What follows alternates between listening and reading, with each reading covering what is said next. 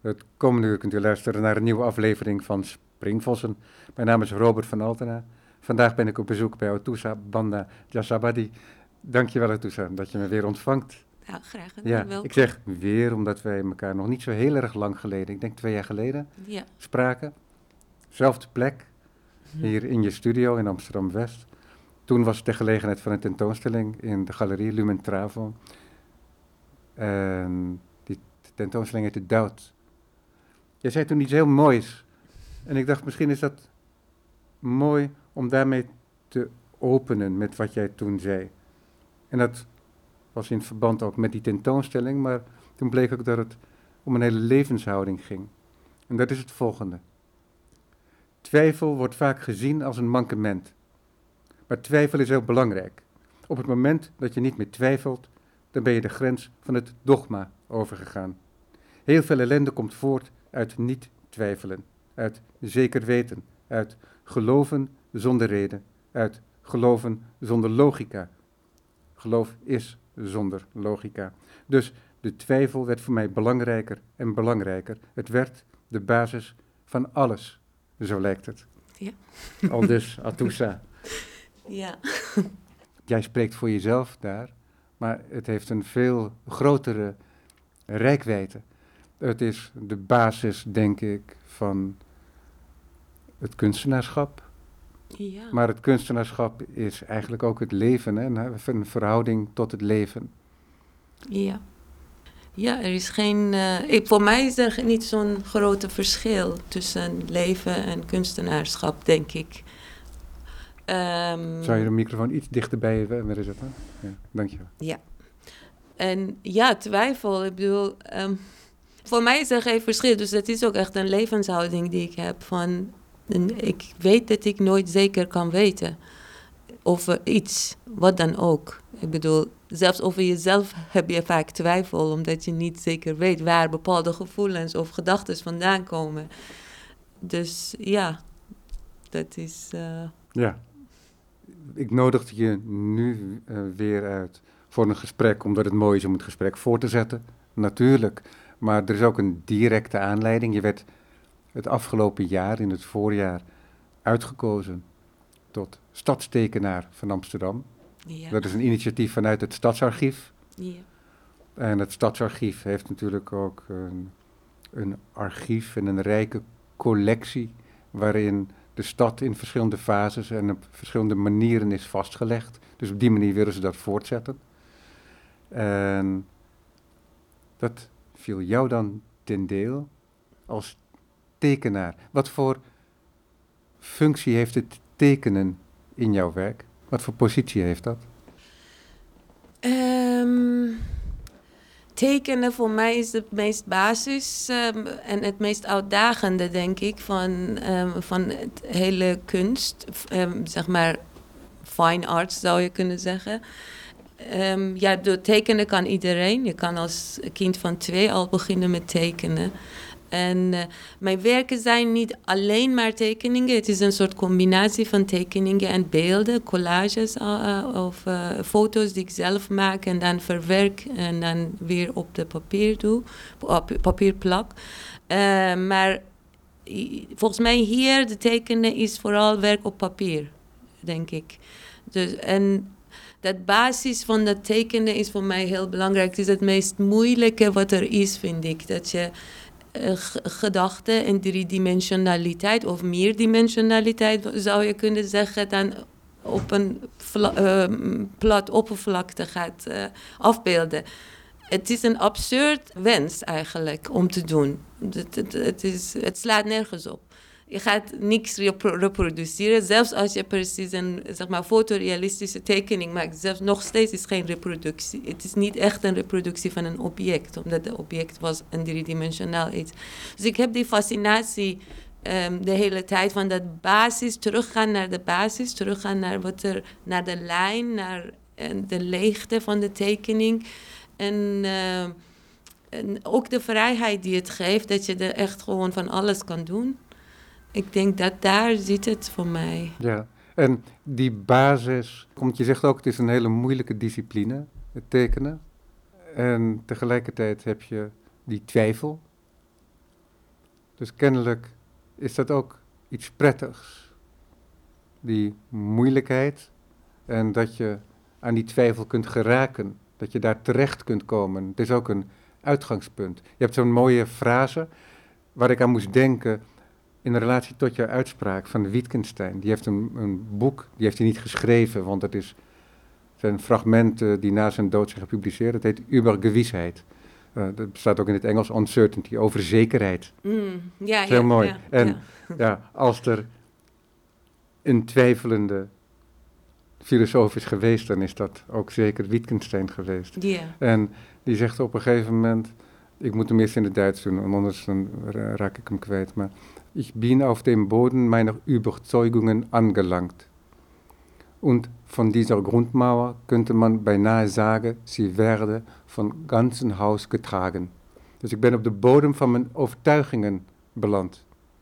En van deze grondvesten, van deze fundamenten, zou je bijna kunnen zeggen dat ze door het gehele huis worden gedragen. Mhm. Dus uiteindelijk kun je overtuigingen hebben, maar waarop zijn die overtuigingen gestoeld? En dan moet ik ook altijd denken aan een voorbeeld wat ik denk ik wel eens eerder heb aangehaald. Aan dat beeld uit het klassieke India, denk ik, van de schildpad die de wereld draagt. Mhm. En dan weet ik niet meer in mythologische zin waar die schildpad dan weer doorgedragen wordt. Maar hè, dat is zoiets ergens, moet het fundament ook een fundament hebben.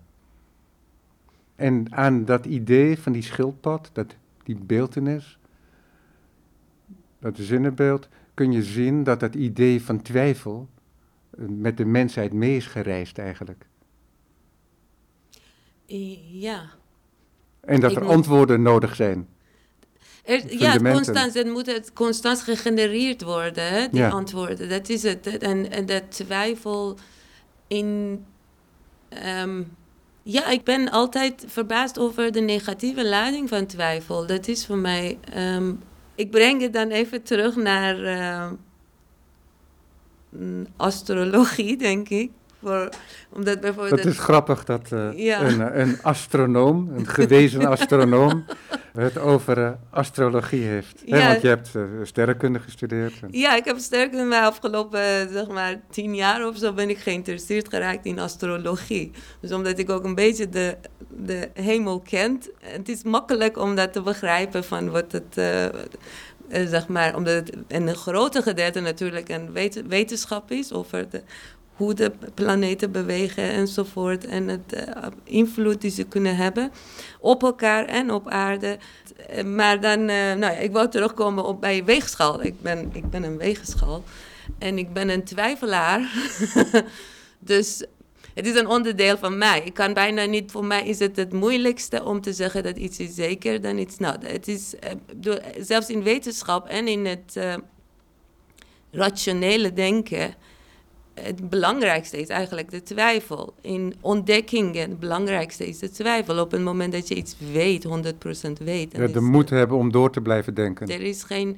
En dat is ook, dan komt het terug ook op kunst. Van als ik echt zeker weet met een tekening of met een, met een, met een gedachte of met iets wat ik op papier zet of weet niet, maak, dan, dan wil ik het eigenlijk niet meer maken.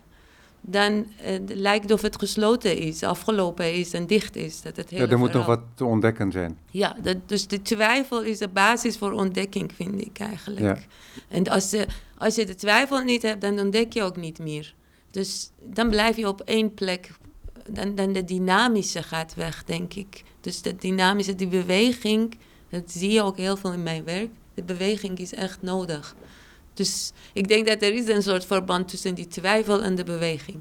En ook dat, een, dat, in, dat in de werken ik probeer om niet een soort horizon te vinden in het werk. Dus dat het echt een soort rootedness in werk, eh, in het eh, beeld komt. Dus dat er een soort stevige grond in, het, in beeld komt.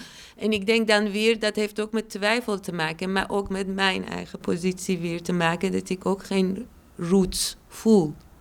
Eh, geen wortels voel in, ehm, in mijn leven, tenminste. Ja, want je begint, bent begin jaren 90, denk ik. Ik ben eh, ne- 89. 89. Ja, ben. Oh, echt in het jaar van de dood van Khomeini. Ja, eh, toen ik wegging is hij nog negen, zes maanden later is hij overleden. Ja, ja. was een ehm, Ja, bad de- timing van mij. ja dus, dus jij bent volledig opgegroeid met de tijd van de Shah en vervolgens de revolutie die werd gekaapt door, Door- fundamentalisten Ja, en waardoor de Islamitische Republiek werd gesticht ja, in 79 ja. en tien jaar later ben jij vertrokken. Precies, ja. Tien jaar later ben ik, ik was ja, 19, bijna 20 toen ik ben vertrokken. En in de, ja, nou, sinds ik hier ben, eh, heb ik van alles gedaan om een soort eh, wortels te creëren voor mezelf. Dat ik me, ehm, dat ik begin, zeg maar, de, de stad te eigenen, de eh, straten te eigenen. Dat ik me door het bouwen van je herinneringen, van de gebeurtenissen in je leven, dan eigen je een plek voor jezelf, heb ik het idee. Maar ehm, sinds september, dat eh, de veranderingen of de opstanden in Iran eh, zijn begonnen, sinds die tijd is echt alles een beetje op de kop gegaan voor mij. En dat is voor mij duidelijk geworden dat die, eh, dat gevoel dat ik had van ik wil hier zijn, ik wil ook hier helemaal zijn. Niet altijd met het gedachte dat ik terug wil of dat er een andere plek is die voor mij belangrijker is dan hier. Dat werd verdampt bijna.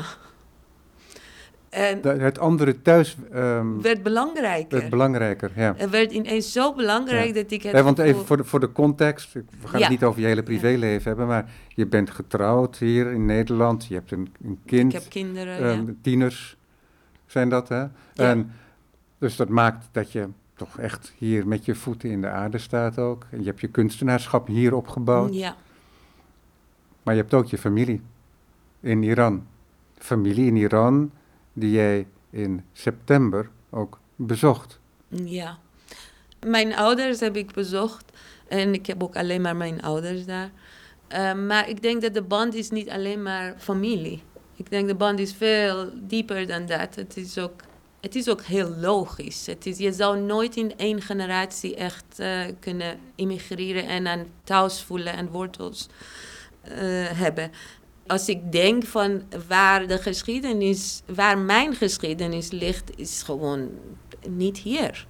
En het is ook niet moeilijk om dat te begrijpen. En wat gebeurt er is dat eh, de, de relaties. Ik heb het gevoel dat ik al 30 jaar ehm, in een andere taal heb gesproken. Ik heb het gevoel dat ik al 30 jaar ehm, mezelf heb een beetje verlogen. Dat ik. eh, mm, dit zijn allemaal ge- dingen die wakker zijn geworden nadat het, om de opstanden in Iran zijn gebeurd in, sinds september. Heb je een soort schuldgevoel dat jij weg bent gegaan? Eh, Nee, ik heb juist het eh, gevoel dat ik ben eruit gegooid. Ja, ja. Dat mijn leven is een deel van, een grote deel van mijn leven is gestolen. Dat is het gevoel dat ik heb. Ehm, Dat, dat, dat zou een, heel- een groot deel van de natie met je delen. Ja, ja, En daarom ook die Precies. grootschalige protesten nu. precies. En dat doen, doen wij hier dan, met de, zeg maar Iraniërs die ook uit, uit Iran zijn. Die volgens mij, er is een hoop ontstaan die iedereen heeft wakker gemaakt. Dat is het. En die hoop is er al voor 43 jaar, die hoop is er gewoon niet. Ik had helemaal geen hoop. Dat er ooit überhaupt een verandering gaat komen. En dit beweging nu, dat, en vooral omdat het vanuit de vrouwen komt, dus dat vrouwenbeweging is, eh, dat was voor mij ook een beweging die ik dacht, ik zou voor niks anders kunnen vechten met die twijfels die ik heb. Of in niks anders kunnen geloven met die twijfels behalve dit. Dus dit is waar ik zelf mee te maken gehad. Waar ik zie dat zoveel vrouwen, mijn moeders, mijn grootmoeders, iedereen heeft mee te maken gehad. Ook jongeren nu. En ook, ehm, het moet veranderen.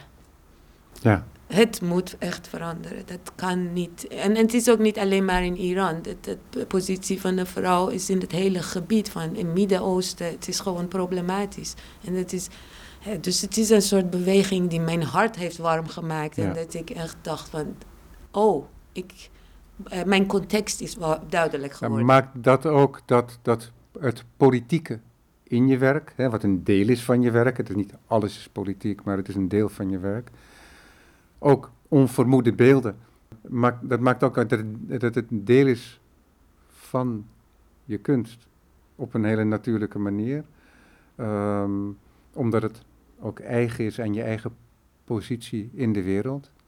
Veel explicieter dan dat het geval is van, ik, als ik kunstenaar zou zijn geweest in Nederland, bij geen enkele positie is neutraal. Alleen, we hebben hier heel lang de illusie kunnen hebben dat er een zekere neutraliteit aan onze positie verbonden zat. Ja. misschien kan ik het beste zo zeggen. Maar ik heb hier bijvoorbeeld een boek van jou, van een project uit 2009. En op die achterkant staat een tekening. En dat is een tekening van een heel andere aard. De tekeningen die ik hier om me heen heb liggen van jou, die je gemaakt hebt als stadstekenaar. Daar gaan we het echt over hebben. Maar dat is een tekening, dat is een, een groep vrouwen, dat zijn er acht in getal, in grafiet, op wit papier. Het is een hele grote tekening, heb je me verteld. Ik zie hier een hele kleine foto op de achterkant van het boek. En ik noem dat omdat daar, laten we zeggen, de wereld is voorondersteld. Want deze groep vrouwen met hoofddoeken en lange jassen en gewaden, die zijn heel realistisch weergegeven. En dan met nadruk op de portretten, op de gezichten, die een hele persoonlijke uitdrukking hebben. Heel ernstig. Maar ze bevinden zich in de wereld, maar die wereld wordt verondersteld, want het vel is leeg. Op geen enkele manier is de ruimte aangeduid. Je ziet dat de zwaartekracht zijn werk doet, die mensen staan daar. En dat is het tegenovergestelde, en daarom noem ik het, van de tekeningen die ik hier om mij heen zie. Die, zou je kunnen zeggen, hè, om met een brede streek eventjes, beïnvloed zijn door, of gezien kunnen worden door een loop van surrealisme, zelfs cubisme in de ruimteverdeling en een veel associatiever symbolisme zelfs. Goed. En dan is dit nu het moment, denk ik, om over te stappen naar dat stadstekenschap. En dan kunnen we nog heen en weer bewegen natuurlijk tussen de verschillende onderwerpen en de verschillende perspectieven die we al besproken hebben. Je krijgt dan die opdracht. Het is een onderscheiding, maar het is ook een opdracht voor nieuw werk. En dat werk dat wordt dan periodiek gepubliceerd in het Parool. Ik heb hier dus het Parool van het afgelopen weekend. Een spread, een tekening, dat is de vierde in de reeks, hè, meen ik. Maar wat dacht jij toen jij die verantwoordelijkheid op je nam? Wat dacht jij te gaan doen? Ja, ik was er ontzettend blij mee, omdat ik dus dan, ik woon ook al um, sinds 95 in, in Amsterdam. Dus eh, ik heb ook Amsterdam zien veranderen. Dan, en, eh, ik heb zeker een sterke band met deze stad ontwikkeld. En dus het, om uh, gekozen worden als de stadstekenaar was wel echt heel, echt een eer voor mij bijna. En dan, um, het was wel moeilijk, omdat het is een stad met een gigantische geschiedenis. En um, hoe wil ik wat wil ik hier doen en wat betekent deze stad voor mij eigenlijk? En dan toen dacht ik, ik moet gewoon teruggaan bij mezelf en dan weer kijken van wat heb ik met Amsterdam, wat heb ik meegemaakt hier en wat betekent deze podium, zeg maar.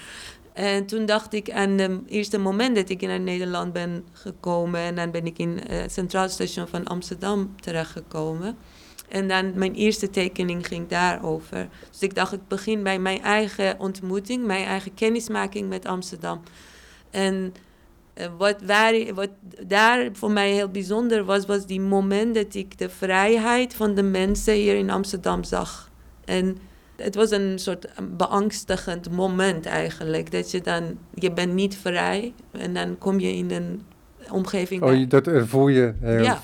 fysiek ook. Ja, ja, ja, heel erg. En dat had ik voor heel lang eigenlijk. Um, in, eh, toen ik in Nederland was, voor heel lang die angst van ik ben gewoon niet vrij. En ik kan ook niet vrij worden. Dat is niet iets wat je in 1, 2, 3 kan doen. Het is iets wat de angst die in.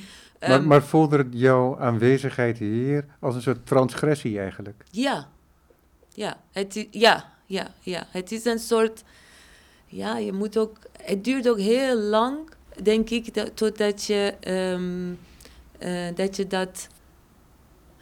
ehm, ik weet niet of je überhaupt ooit zoiets kan oplossen. Dat hele cultuurverschil in die zin dat je mee opgegroeid bent. Misschien als je heel jong immigreert dat dat wel kan. Maar in mijn geval was wel ook vooral omdat ik ben gevlucht. En dan heb ik dus de angst van de oorlog en de angst en de onderdrukking. En, en alles wat nu eh, zeg maar over gesproken wordt over Ja, Iran. Dat hebben wij Ja, toen... ja, dus zelfs als je dan op dat stationsplein terechtkomt vanuit dat gebouw, dan neem je die onderdrukking mee. ja. En dus ook de mogelijkheid van het gecontroleerd en het bespied worden.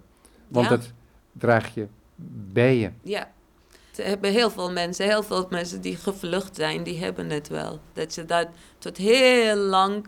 En dan hou je die angst van elke keer als je een politieauto ziet, ben je bang. Of elke, dat zijn bepaalde triggers in je hersenen die, van, dat je bang wordt van dingen. Maar ja, die, dat, dus die, die contrast voor mij was, als ik terugdenk, dan die contrast was heel belangrijk dat ik die angst had. Dus het is niet zo dat als een vluchteling van oorlogssituatie naar een vrij land gaat, dat die ook direct gewoon vrij is. Dat is er niet. En dit soort of dat, die direct de dat de problemen zijn opgelost. Nee, dat is pas het begin van de problemen. Omdat dan heb je pas tijd om over die, de vreselijke, afschuwelijke dingen die je hebt meegemaakt nadenken.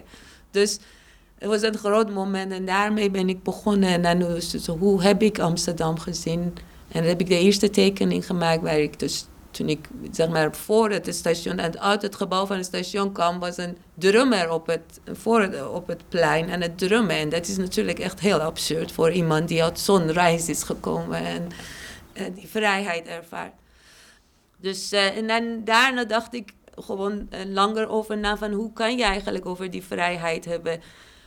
Dat was het onderwerp die ik had gekozen. Ik wilde over vrijheid in Amsterdam hebben. Wat betekent het? Omdat voor mij dan de vrijheid betekent. Dus dacht ik van daarover ga ik werk maken.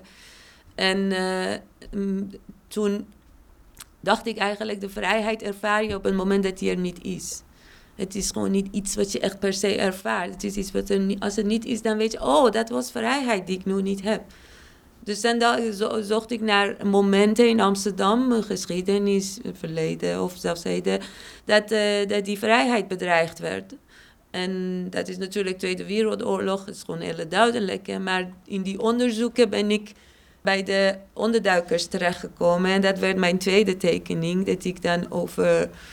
Um, en dan in onderzoek ben ik dan de uh, Eugene Brand, dat is een Cobra-schilder, die dus um, volgens mij vanaf 41 tot 43 heeft hij in Oudezijds Voorburg wel onderdoken. En hij heeft ook dan die huis getekend eigenlijk. En die tekeningen zijn in het archief te zien. Ik heb het nog niet gezien.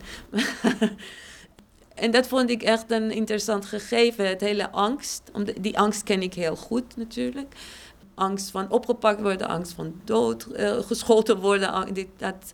En uh, dus dat angst van de mensen die moesten echt één of twee jaar onderduiken. Dat is iets onbegrijpelijks bijna. Het is net zoals van die grote getallen van lichtjaren die je niet begrijpt wat ze zijn. Zo is ook een, iemand die moest twee jaar onderduiken.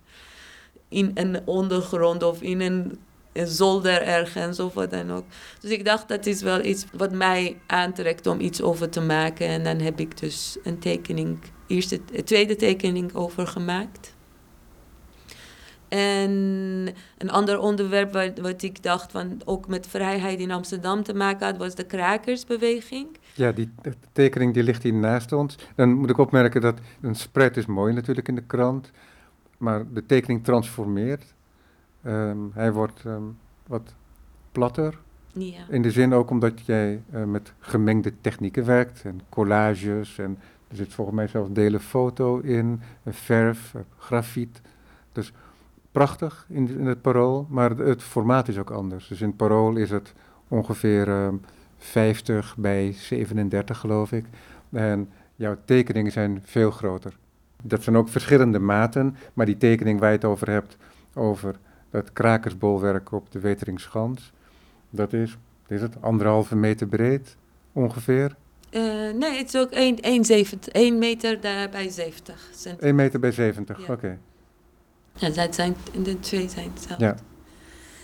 Eh, ja, dan ben ik dus bij die, ehm, de krakersbeweging vond ik heel interessant. En dan, wat ik ook interessant vond, iedere kunstwerk of ieder project is het zo, ook een soort onderzoek naar wat een, relatie met jou. Het, het, heeft altijd met mij te maken natuurlijk. En dan voor mij die beelden van de, eh, van de eh, zeg maar anti-kraak eh, bewegingen en de krakersbeweging en wat er op straten van Amsterdam, op Vondelstraat, zag je een tank.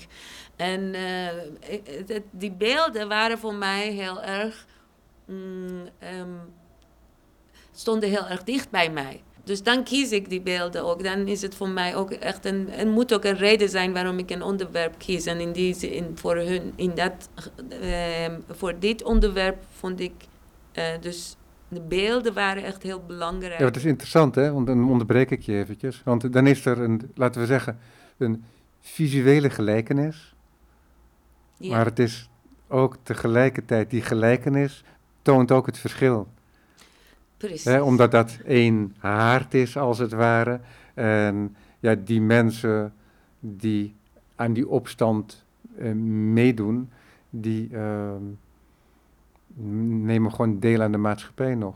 Ja, Ook. ja en, en ja, het is een.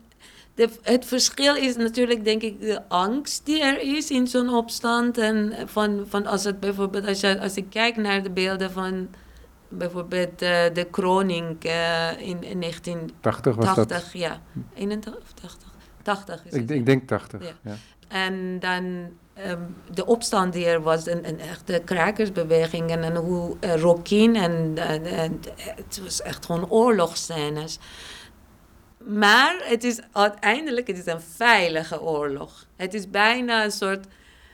Ik ging er niet zoveel over nadenken dat deze opstanden waren toch op in een veilige situatie. Ja. ja, kijk, voor die krakers en ook voor de ME zal het verschrikkelijk zijn geweest, omdat het gewoon geweld is natuurlijk en behoorlijk gewelddadig.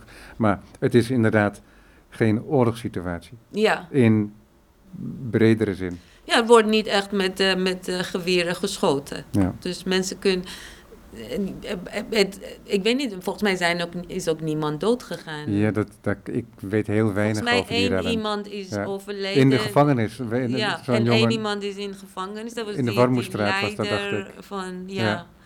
En, eh, maar het is... eh, uiteindelijk, eh, die angst denk ik is best een, een groot verschil. Maar eh, de beeld doet het werk voor mij. Het beeld was van... Dus het is eigenlijk hoe ik die beelden heb gemaakt... was om niet zozeer aan het gevoel wat er, dat ik heb altijd, die ge- vergelijkingsgevoel van hé, hey, dit is toch niet een echte opstand omdat je leven niet in gevaar is. Ja, en je kunt twee straten verderop kun je gewoon een winkel instappen en een brood kopen. Ja, precies. Maar het beeld doet het wel. Het beeld is er wel. Dus, Ja. dus dan heb ik de, het beeld genomen. En natuurlijk, het, is, het zijn geen geweld, gewelddadige beelden. Het zijn meer, zou je kunnen zeggen, mooie... Ja, het, is een heel, het is een hele gekke tekening in die zin dat je hebt de bereden politie, dat worden centaurs. Ja, Dus ehm, ehm, menspaarden, dus paardlichaam met een menselijke voorkant, ja, hoofd en hals.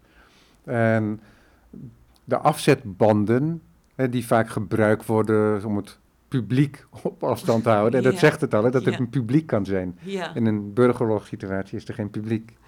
Die zijn verbreid als een soort patroon over de hele tekening en die demarkeren eigenlijk ook de verschillende gebieden.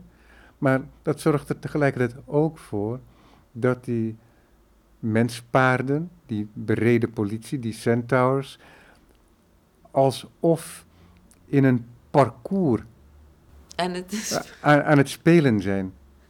Dat is heel gek. Maar tegelijkertijd zie je natuurlijk ook eh, ME met helmen en je ziet mensen schuilen. En, dus er gebeuren ook andere dingen, maar er zit een hele krachtige ambivalentie van spel en oorlog tegelijkertijd in die tekening? Het is een mooie gegeven, omdat ik, als ik denk van uh, toen ik 12 jaar oud was, nu zie je ook dat er echt uh, poebers in Iran aan het opstaan zijn en dat ze wel allerlei dingen doen. Dat, uh, toen waren wij ook, ik was ook een onderdeel van een, andere politieke ideologie, partij. En dan gingen we um, teksten of leuzes op de muur schrijven. En dat was hartstikke gevaarlijk. Hartstikke gevaarlijk. Ik bedoel, je kon wel echt opgepakt worden en dan um, gearresteerd en dan in gevangenis en zelfs doodstraf. Dus dat was er wel. Er waren meisjes van 16, 15 die geëxecuteerd werden toen ik in die leeftijd was. Maar die speelse was er ook. Dus het was een soort speelse. Dus wij vonden het hartstikke leuk om te rennen en dan ergens een straat, een muur vinden en dan iets opschrijven en dan wegrennen. Het was gevaarlijk, maar die speelse was er ook. En als jij dat zegt, dan denk ik van die ambivalentie van alle situaties, zelfs oorlogssituatie, dat is eigenlijk ook gerelateerd aan die twijfel. Het is dus, het heeft met elkaar te maken. Rationeel gezien kan ik me daar enigszins in verplaatsen, omdat overal ter wereld pubers zijn. En die speelsheid en het ontdekken van die wereld maakt daar deel van uit. En er is ook een zekere onbevreesdheid in de jeugd. Ja, dat je niet bang bent, ja.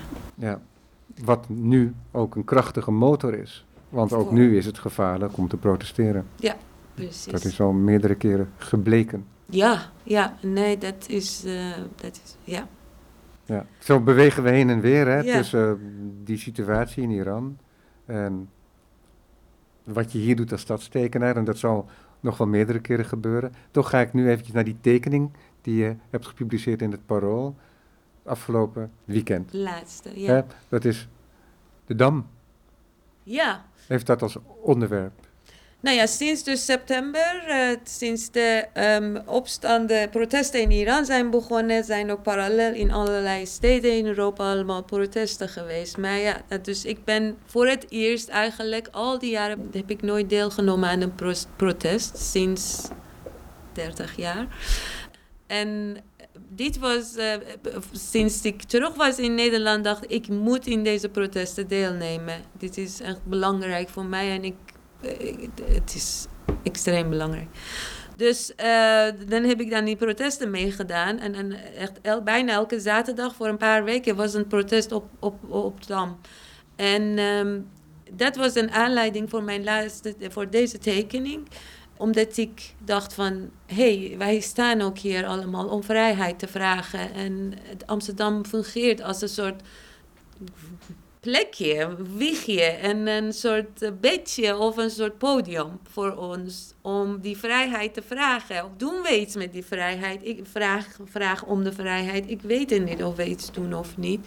Maar die gelegenheid is door Amsterdam gecreëerd door die stad en de mogelijkheid. Dus ik dacht, daar moet ik dan iets over maken. En dat, dat is de laatste tekening geworden, waar ik de vooral uh, wat ik heel, belangrijk, heel mooi vind van, van, van Dam is de, de, de tegels. Uh, de, de, ja, de tegels op de. Ja, in het, in het patroon. En dat is eigenlijk nog vrij recent. Want toen je hier kwam, lagen, er, lagen er een soort kinderhoofdjes die loodgrijs waren. Ja, wat ja. donkerder nog dan loodgrijs.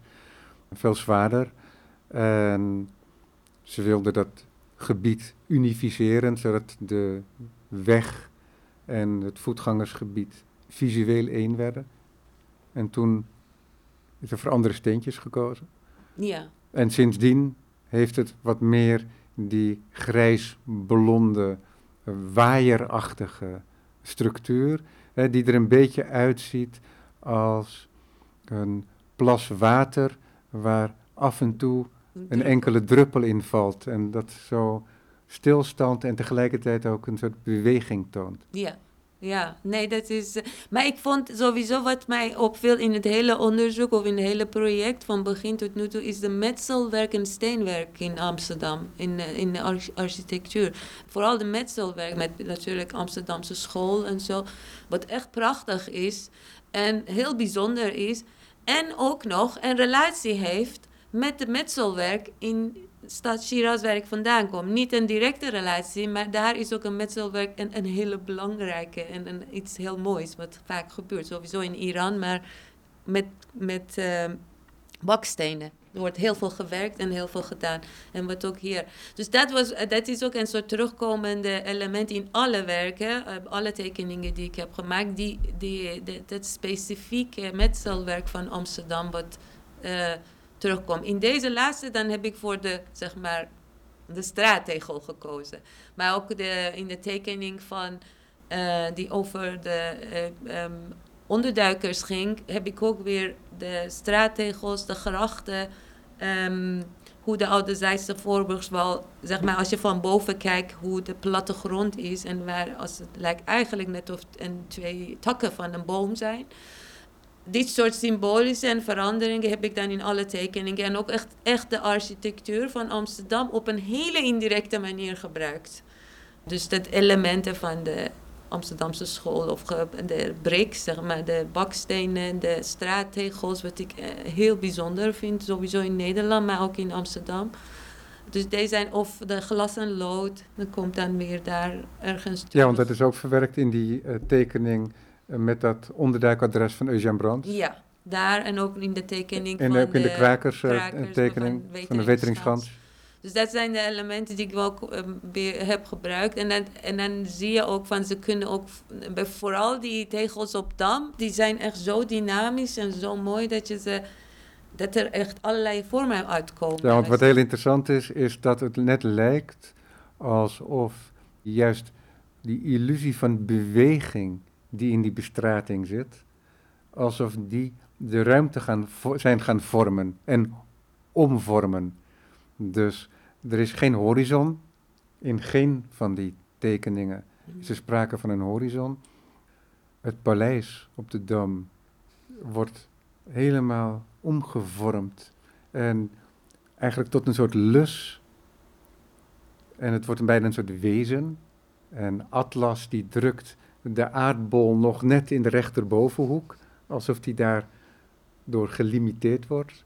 En dan zakt dat gebouw af en de bebouwing in een soort omarming van een deel van de ruimte, de ruimte die bepaald wordt weer door, uh, door die bestrating.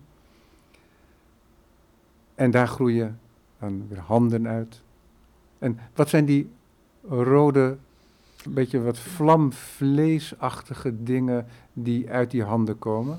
Nou ja, je hebt altijd, je ziet, als je dan naar zo'n demonstratie gaat, oh, dan zie je vooral handen. Je ziet eigenlijk niet echt iets. Het Ja. is een hele Ja, je hebt een massa en je hebt Ja, handen die daar eh, los van en dan komen. het zijn de handen die hier en daar. En dan vooral hebben ze met borden en eh, tekens en leuzens en plakkaarden.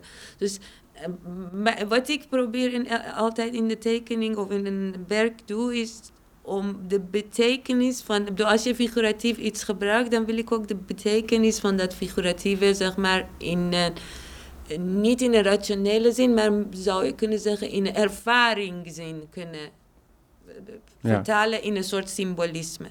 En dat voor mij was dat, like, het lijkt of wij allemaal sneetjes maken in de lucht of zo. ja, En daardoor heb ik die lijnen gemaakt. Want het is niet echt een soort sneetjes van... Dit is wat ik wil zeggen en dit is mijn roep naar vrijheid. En dan ga ik daarmee een soort ja, precies. de lucht in een soort lijn trekken. Ja. En ik wilde geen plakkaarden en ehm, borden in de handen hebben. Dus ik dacht van, dit, dit- het gaat om die actie en het gaat om het energie die aan, daar ontstaat. En dan die energie is ook de basis van een ervaring, zeg maar. Dus dat, dat collectieve energie die daar ontstaat, dan is basis van ervaring. En dan ervaar ik de hele damplijn op een andere manier als ik in dat demonstratie sta dan als ik alleen, als ik ga, weet ik wel, shoppen of zo. Ja. Ja, het is interessant dat in die tekeningen, dat structurerende elementen nog steeds als structurerende elementen worden gebruikt. Hè, zoals die tekening met die afzetlint. Dat afzetlint is ook vrij structurerend, horizontaal, afbakening. Ja. Maar tegelijkertijd vorm je die om tot een heel andere ruimte. En dat doe je ook weer hier in deze tekening van de dam. Want dat horizontale veld, die vlakte van steentjes, die wordt tegelijkertijd ook bolvormig en die drukt die hele werkelijkheid zo uiteen, hè, alsof de bodem loskomt. waardoor alles samenvalt, maar waardoor het ook een soort zee wordt. Van de handen, van stenen, die een deel van dat stenen patroon lijkt te worden weggedragen door eh, vleugels, door veren uh, die het geeft, waar ook weer die rode snedes, vlammen, het zijn bijna bloemen uitkomen. He, dus je hebt een soort voortdurende uh, transformatie. En dat is een hele grote dynamiek ten opzichte van dat verstilde groepsportret waar ik eerder aan refereerde. Dat is waar en het is ook misschien wel met dat, eh, de, de, de geworteld zijn te maken. Hè? Misschien, ik weet het niet mhm. zeker. Ik heb geen goede antwoord. Ik weet van, wat is de proces geweest natuurlijk. Daar was ik, ik wilde reduceren tot alleen maar lijnen.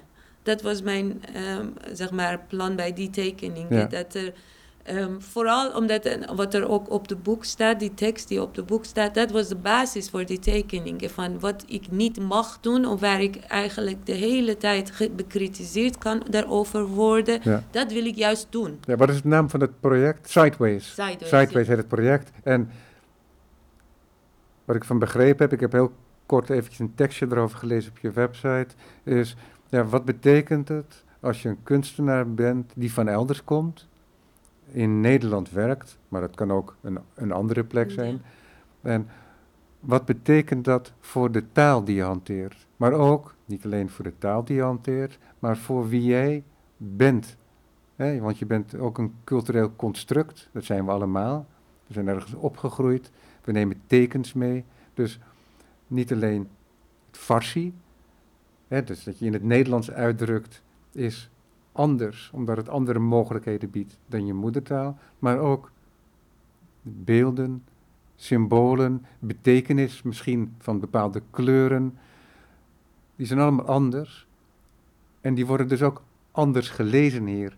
En kan je dan nog begrepen worden? En dat is een beetje globaal gezien een soort vraag die aan de basis stond van dat project Sideways. Ja.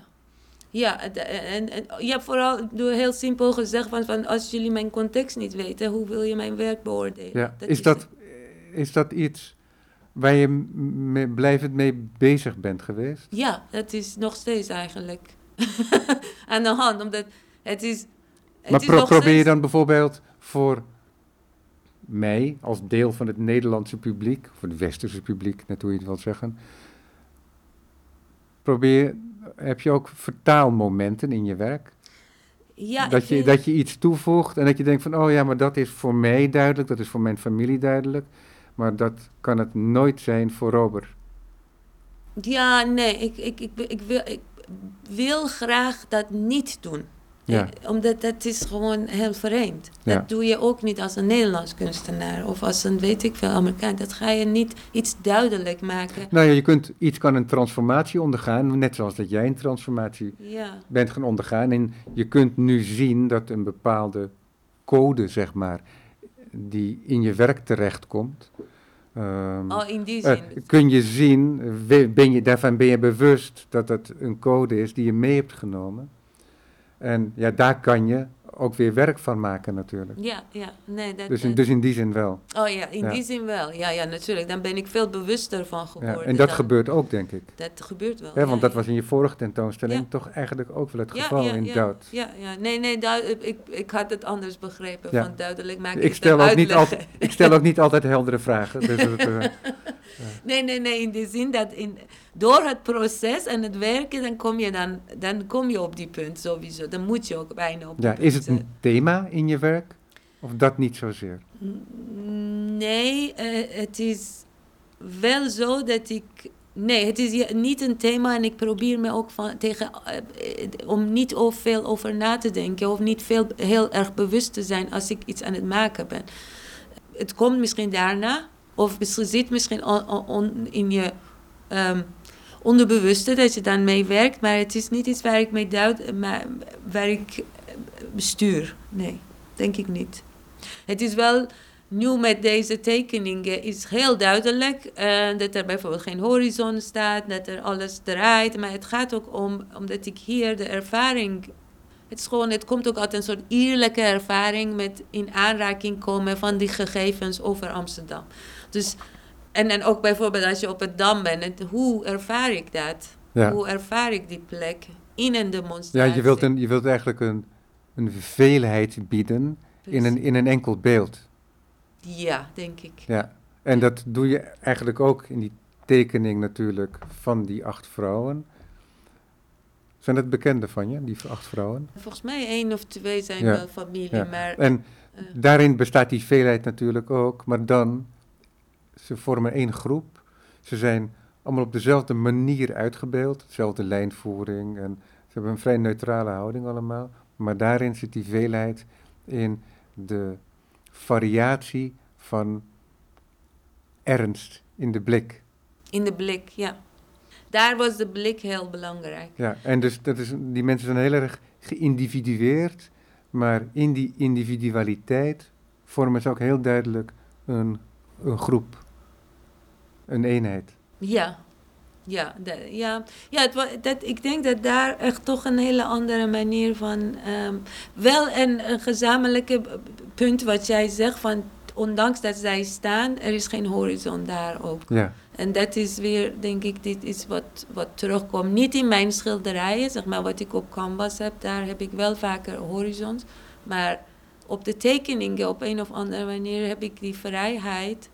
Of die, omdat het ook een soort, een soort ehm, techniek is die ik al heel lang mee bezig ben, denk ik. Dat het, ehm, dus dat heeft een eigen plek gekregen Ja, in, je, in, je, in je manier van werken. ja, ja, het heeft een eigen plek, ja. Ja. precies. Dat is, Ja, dat is interessant, toch?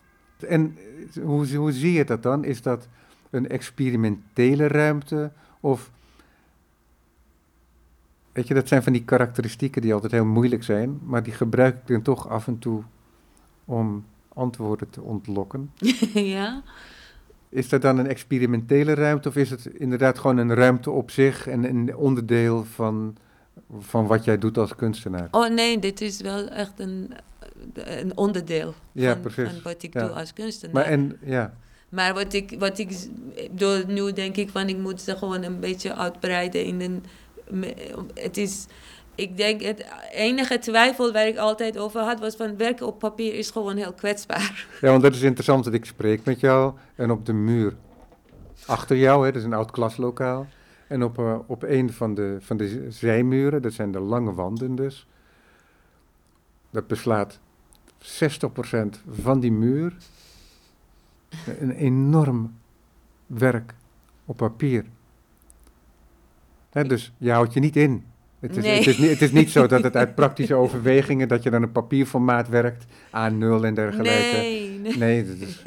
ehm, Nee, ik heb, eh, ja, mijn meeste werken zijn op papier geweest eigenlijk. Die hele Ja. periode is ook op, op, op papier. En ik, op een of andere manier papier is... ehm, is eh, ik, ik voel me heel vrij met papier. En het is vreemd, omdat je moet eigenlijk met canvas veel vrijer Ja. voeren... omdat je het kan dan weer afdekken.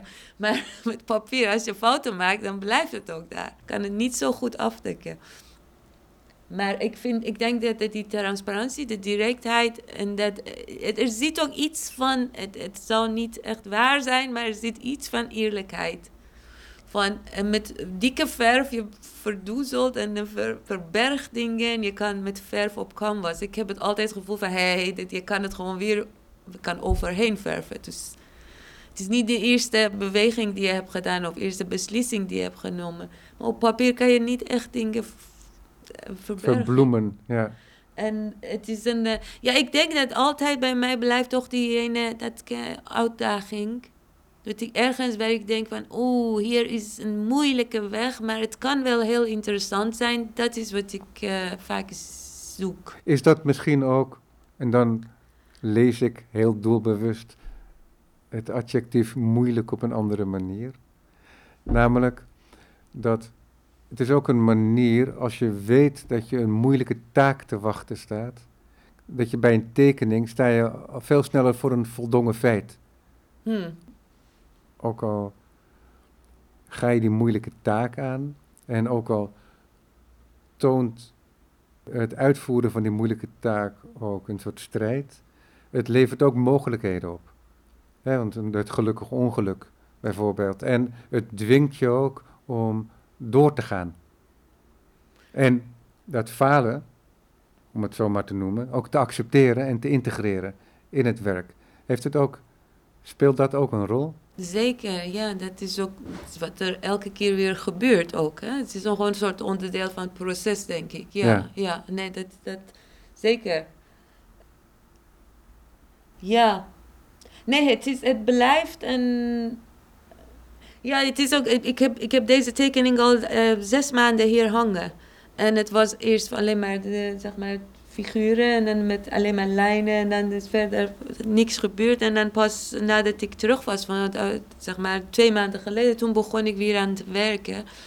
Ehm, ik was heel erg bang. En ik stond de hele tijd naar te kijken. Ik vond, en dit is echt, ik kan het niet. En wat wil ik hiermee? En dit is te groot en dit is te veel. En Ja. dat moet ik niet doen. Maar dan, op een gegeven moment heb ik de vrijheid genomen om gewoon te doen. En, en maakt niet uit. Misschien is dat het. Misschien is dat ik, heb, het. ik, heb, Dan- zelf- ik heb zelf de indruk, met wat ik van jouw tekening heb gezien, ik heb niet alles gezien, maar ik heb geprobeerd om een beeld te krijgen van wie jij bent als tekenaar. En je ziet toch dat er heel veel veranderd is. En ik heb heel sterk de indruk dat het veel schilderkunstiger is geworden. Want in oudere tekeningen zag ik dat je vaak, en ik zie ook wel in die recentere tekening op die achterwand, zie ik daar wel voorbeelden van, is dat jij weefsel of ruimte, maar me- meestal constructies en weefsel, dat je dat opbouwt uit lijnen. Bijna Mm. geologisch opbouwt. Ja, Hè? Of zoals een 3D-printer, hè, als je een andere taal wilt gebruiken. En dat is eigenlijk heel tekenachtig. ja, ja, ja. En dat zie ik niet meer terug in je werk als stadstekenaar. En die, je werk als stadstekenaar is in die zin veel schilderkunstiger. Ja, dat, ja, het is op een andere manier opgebouwd. Ja, dankjewel. dat je dat Ja, nee, dat, ik denk dat het ook is. Omdat ik ben al heel lang ook... Begon ik echt met schilderen. Dan begin ik terug naar schilderen. Maar dan schilderen op canvas. En dan nu weer op papier. Dus ik denk dat dat effect van dat werk weer terug te zien is. Dat ik meer met kwaststreken en dat soort dingen ook we- werk hier. Ja, en ook in een, in een soort, want die, een schilderkunstige benadering van tekenen maakt ook dat je een wat groter gebaar gebruikt. Ja, En niet dat je, laten we zeggen, omtrekken. Dat dat kan op allerlei manieren tekenen natuurlijk, maar dat je in jouw geval toch ook echt mm, de fysieke wereld neerzet. mm, In ieder geval in detail, of in onderdelen, of in fragment. En dat je die dan vervolgens ook weer opbouwt. En dat gebeurde eerst, dat opbouwen daarvan, dat gebeurde eerst heel tekenachtig. En nu wordt dat tekenen ook geschraagd als het ware, of verrijkt met het schilderkunstige. ja nee, ik, ik denk dat het ook met meer durven te maken Ja, ja. heeft. Dat ik meer durf om, eh, om het ook misschien zelfs kapot te maken. ja. Tot, En ook nat- natuurlijk ervaring dat je dan eh, sneller weet wat je moet doen. In, in sommige gevallen. Ja, Niet En, in dit ja, want het is toch ehm, ver- een verwante serie geworden. Het is echt een serie geworden. Kijk, we zitten nu in december, maar je bent in het voorjaar eh, ben je gekozen tot stadstekenaar. Tot wanneer loopt jouw opdracht? Ik denk tot eh, eind, eh, ergens in februari. Ja, Dus eh, begin februari, dan moet ik, dan is het... dus er komt, we kunnen in ieder geval nog Komt zeker in- één tekening tegemoet zien. ja, ja, er komt een- nog één, zeker. Ja. Ja. Ja, En komt er, volgt er dan ook een tentoonstelling bij het Stadsarchief misschien? Dat willen ze doen, ja, omdat ze hebben wel nu een, inmiddels echt een collectie van alle stadstekenaars. Dus ik denk, dat hebben ze gezegd, dat ze wel in de toekomst een Mooi. Nou, dat is iets om naar uit te zien. Ja. Atousa, we zijn alweer aan het einde van het uur. Ik dank je wel weer Ja, voor dit bedankt. gesprek. Laten we het gesprek voortzetten. En veel plezier nog Dank je wel, met eh, het voortzetten van het stadstekenaarschap. Het was een fijn gesprek, dank je wel.